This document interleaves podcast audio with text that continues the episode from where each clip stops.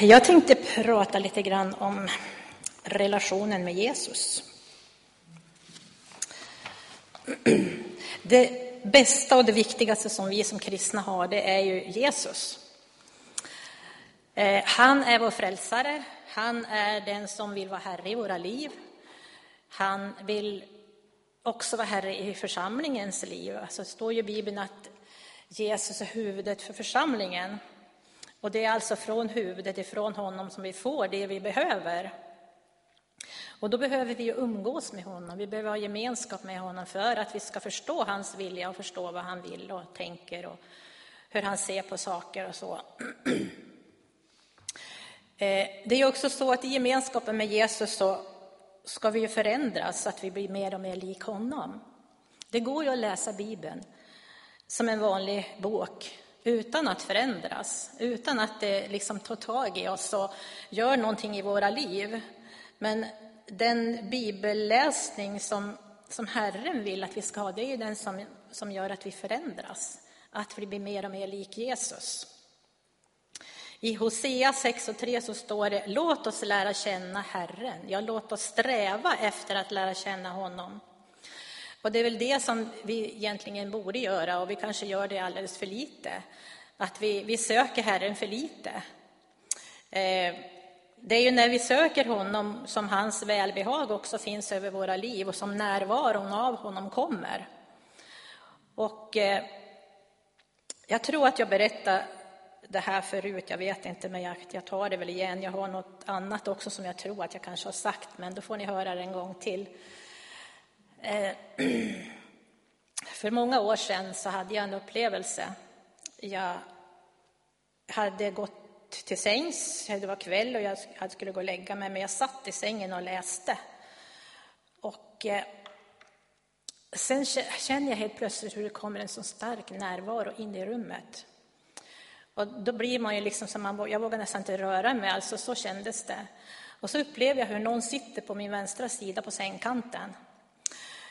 Eh, jag såg bara ryggen, ryggtavlan på den här gestalten. Jag vet inte om det var Gud, Jesus eller en ängel eller vad det var. Men han sa saker till mig, tre olika saker.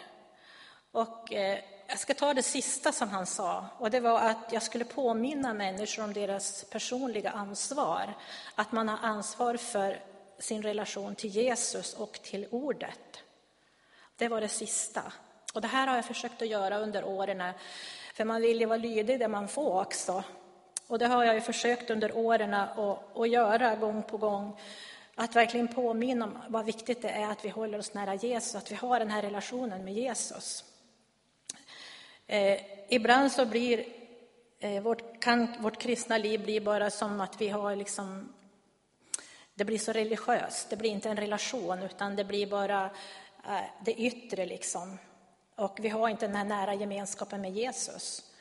Eh, utan det är som att man har en fromhetsmask på sig och ett sken. Men eh, det är ju meningen att vi ska vara äkta och det blir vi ju när vi får vara tillsammans med Jesus, när vi får umgås med Jesus. Och vi har ju här alltså ett eget ansvar att vara tillgänglig för Gud, att ta den här tiden med honom. Och vi brukar ju säga att man blir lik dem man umgås med. Och jag tror att det är så också, umgås vi verkligen med Jesus så blir vi lik honom. Vi, vi kommer att få hans tankar, vi kommer att tänka som han gör och, och eh, både, både tanke, ord och gärning kommer att bli som han tänker och, och handlar och gör. Eh, Ingvar Holmberg skrev en musikal en gång, pastor är det, i pingst, är det pingströrelsen. Han skrev en musikal och där så skrev han så här bland annat att vi har inte tid med Jesus för vi är så upptagna med att tjäna honom. Vi har inte tid att lyssna på Jesus för vi talar så mycket å hans vägnar. Herre, jag ser att du är sorgsen. Det känns nog svårt att ha så stort utrymme i våra planer och aktiviteter men så lite rum i våra hjärtan. Och jag tror att det kan bli så här ibland att vi, vi gör så mycket för Jesus men vi har svårt att ta oss tid med honom, att umgås med honom. Och här hade jag liksom tänkt läsa den här Lukas 10 som, han, som Erik har läst, så han har redan tagit min texten där. Men det är ju bra, då var det väl meningen att det skulle fram, tror jag. Eh, men jag tänkte just på det här, jag ska inte läsa den igen då, utan, men om Marta och Maria. Alltså båda älskade Jesus. Det gjorde de. Och jag tror att det är som Erik sa här, att frågan kanske är vad prioriterar vi alltså? Jag tror säkert Jesus var glad att få lite i sig också, att Marta fixade någonting. Men det kanske viktigaste det är ju att vi verkligen sätter oss vid Jesu fötter, att vi tar tid med Jesus. Och kanske är det också så att den som sitter vid Jesu fötter faktiskt har någonting att ge. Och då kan man ju tänka, eh, ibland när vi ska vittna till exempel, man ska be någon att vittna och säga nej, de har ingenting att säga. Det, nej, ta någon annan, jag har ingenting, säger man. Kanske är det just det här som fattas, att vi behöver faktiskt sätta oss ner vid Jesu fötter. För det vore ju lite konstigt om vi inte har någonting att säga om vi umgås med Jesus. För han har ju så mycket för oss. Så kanske det är dit vi behöver komma lite mera, där vi verkligen tar tid med, med honom.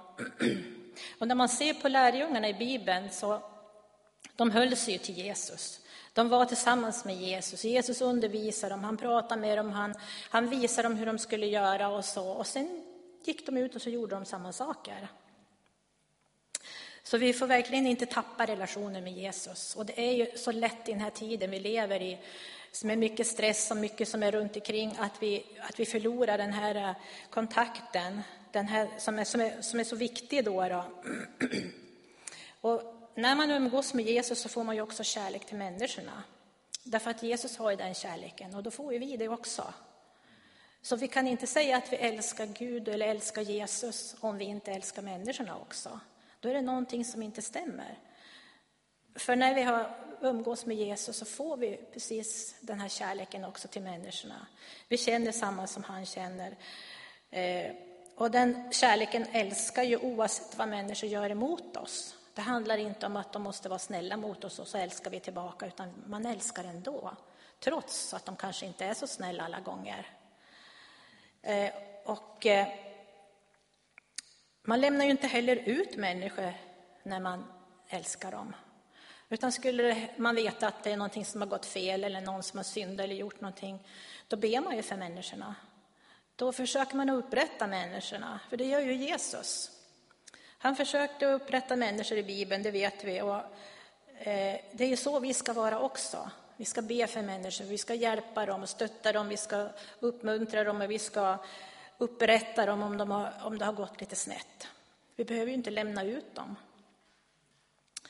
Eh, en tidningsjournalist, eh, en kristen, hade skulle, satt och skulle skriva en artikel i tidningen. Och, han hade en kristen broder som hade gjort honom väldigt ont. Och nu hade han fått nys om att den här brodern hade begått äktenskapsbrott, så nu hade han sin chans här. Nu tänkte han, nu ska han lämna ut han helt i tidningen här. Men då kom Gud till han och så sa Gud så här, han ställde en fråga. Om det där hade varit din son, hade du då lämnat ut han? Och han svarade ju nej, det hade han ju inte gjort. Och då sa Gud, den som du just nu tänker lämna ut, det är min son. Och då förstår vi att det blev ingenting av det. Då kunde han inte göra det. Då, då kände han att det var ju fel helt och hållet. Och jag tror att vi, vi får liksom Jesu hjärta för, för saker och ting och för människor när vi umgås med honom. Ehm, det är ju också när vi umgås med Jesus som vi kommer att känna igen det som är äkta och inte äkta.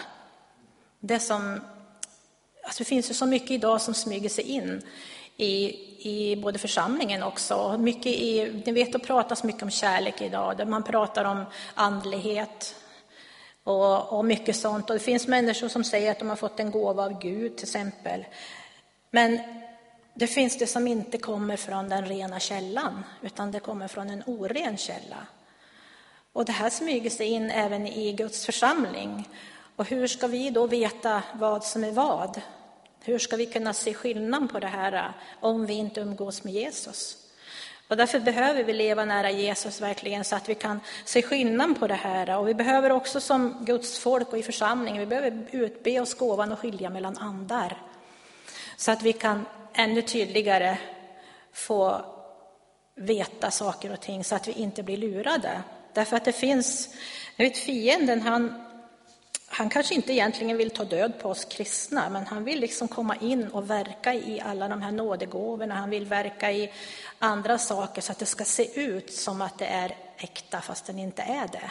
För då blir vi mest lurade och det är ju det han vill, att vi ska bli lurade. Och därför är det också viktigt då som sagt att vi, vi verkligen håller oss nära Jesus. Och mycket av det här som som inte kommer från den rena källan då, det kan till och med vara riktigt. Det kan till och med stämma saker och ting. Om ni tänker på, det står i Apostlagärningarna 16, så står det om den här slavflickan som hade en spådomsande. Och Paulus och Silas, eh, de var där och den här flickan, hon gick efter dem och så sa hon, ropade hon så här, dessa är Guds den högstes tjänare och de förkunnar för er frälsningens väg. Allt det där var ju riktigt. De var Guds tjänare. De förkunnade frälsningens väg. Det, det stämde hur bra som helst. Och ändå så tog Paulus illa vid sig, står det. Han blev beklämd alltså. Det var någonting där som han, som han upplevde som inte stämde. Och så vände han sig om till den här kvinnan och så står det att han talade till anden. Och så sa han att eh, han befallde den här onda anden att eh, ge vika och fara ut ur henne i Jesu namn och den for ut. Hur kunde han veta det? Hur kunde han veta att det var en ond ande när allting stämde ju? Det var ju rätt det hon sa. Men han kände i sitt inre att någonting inte var rätt alltså. Och då vet vi att de levde ju nära Jesus också. Och det är just det här med att att vi behöver verkligen ta oss tid med Jesus så att vi kan se skillnad på saker och ting. Vad som kommer från den rena och klara källan eller som kommer från en oren källa. Och man kan också se saker och ting, alltså förhärligade Jesus. Blir Jesus upphöjd? Blir han förhärligad i saker och ting, då vet vi att det är från, från Gud. Men är, han, är det inte så, så de inte bekänner Jesus till exempel som Herre och så, då är det ju från det, det som inte är från Gud. När man umgås med Jesus så, så följer ju frimodighet med också. Och eh, det står om Petrus och Johannes att de stod inför Stora rådet. I Apostlagärningarna 4.13 så står det att eh, alltså de hade ju bett för en man som hade blivit frisk där. Och det vart väl lite tumult över det. Och så står det så här, när de såg hur frimodiga Petrus och Johannes var och märkte att de var olärda män ur folket, då blev de förvånade. Men så kände de igen dem och kom ihåg att de hade varit tillsammans med Jesus. De märkte alltså och kom ihåg att ja, men de har ju varit med Jesus. Då var det kanske inte så konstigt. Tänk om det kunde vara så för oss också att människor kan säga, ja men det är inte så konstigt att de har bett för den där och den blev frisk. De där, de har ju varit med Jesus. Det är väl det vi egentligen önskar, att det skulle vara så. Och jag tänkte på, eh, Petrus hade ju förnekat Jesus, tre gånger förnekade han Jesus. Det var egentligen inte så att att Petrus inte älskade Jesus och inte trodde på Jesus, men han vågade inte stå för Jesus i den situationen. Men han blir ju också ledsen och, och, och bedrövad över vad han hade gjort. Och sen i Johannes 21, och vers 15 och 17, där så, så vet vi att Jesus ställer tre frågor till Petrus. Och det är egentligen samma fråga. Petrus, älskar du mig? Ja, jag har det, vet, du vet att jag har det kär, säger han. Och så Jesus frågar än en gång alltså, älskar du mig Petrus? Ja, du vet att jag har dig kär, svarar han. Och sen tredje gången säger Jesus, älskar du mig? Och Petrus säger, du vet allt. Du vet att jag har dig kär. Och kanske var det just för att han hade förnekat tre gånger som han fick tre gånger säga att han älskar Jesus också. Och egentligen visste ju Jesus att Petrus älskar honom. Och eh, det hoppas att, att vi också gör, att vi älskar Jesus. Att han är det dyraste vi har, att det bästa vi har. Eh, om det inte kommer från Jesus, det, egentligen ska ju det vi gör komma ifrån relationen med Jesus. Kommer det inte därifrån så blir det ju bara någonting eget som vi håller på med, någonting som vi själva gör.